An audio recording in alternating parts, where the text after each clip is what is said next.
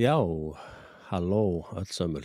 Axel Pétur Axelsson heiti ég og er hérna með nýjan þátt á broadcast.is sem að heitir því einfalda fallega nafni Axel Pétur. Þegar ég var krakki þá kallaði fjölskyldan mín alltaf mig Axel Pétur og allir aðrir kölluðu mig bara Axel. Var mikið vænt um þessa samsetningu Axel Pétur. Og mér var meiri sér mikið stríkt í skóla að það var sagt uh, Axel Pétur í allan vetur. Þannig að þetta nafn hefur langa merkingu fyrir mér. Og þykir nokkuð vænt um þessa samsetningu. En ég er sem sagt búin að vera með Frelsi TV frá 2013 Ég var reglulegur gestur hjá honum Markusi í, á hérna útarpi sögu. Og síðan í framald að því þá endaði ég upp í þættinum hjá Harmageddon þar sem að ég var fastur gestur í mörg ár, mjög langa tíma þar til að þanga til að frosta var hreint út og mána haldið eftir En við félagarnir áttum margar skemmtilegar samræður og hressilega dýbeita, þetta voru alvöru dýbeitar sem áttum. Og hérna, þetta var eiginlega eini núansinn í íslenskri útvarpsmenningu á þessum tíma. Að því allir mæta bara í útvarpið og allir syngja sama söngin.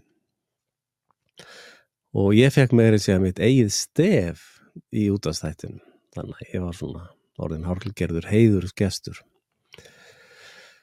Og hérna þetta var bara mjög gaman og, og hérna þegar að Frosti ákvaða að fara af stað með þetta með broadcast.is þá bauða mér að vera með þátt hér. Og bauð mér líka að bera tæknivinnun á bakinu heimasíðun og vistun og allt það sem er bara ennþá meira gaman.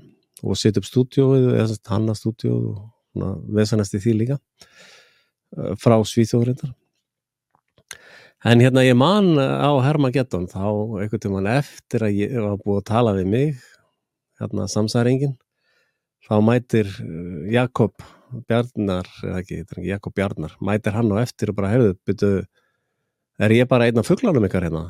Það var ekki Axel hérna á það er ég bara einn af þessum furðufugglum sem að þið eru að vesanast með?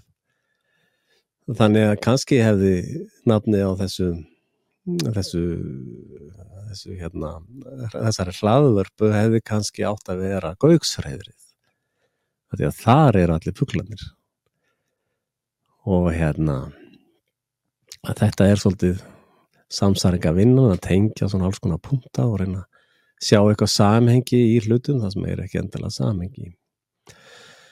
En hérna ég var nýla í viðtali hjá Sölva Tryggvarsinni og það var mjög gaman og fyrsta skipti sem hann var að pröfa Zoom og svona fjár fjárfíneri ég nota hérna fína græðu sem að heitir StreamYard og hef hugsað mér að taka játnvegar meira fólki viðtöl og, og eða debata, ég held að ég sé ekki góður í að taka fólki í drotningaviðtöl það sem bara sittur og og er kurtein sko, ég held að ég sé meira svona debate típan og það fannst mér gaman hjá Sölva þetta var svolítið debate hjá okkur og svona núningur.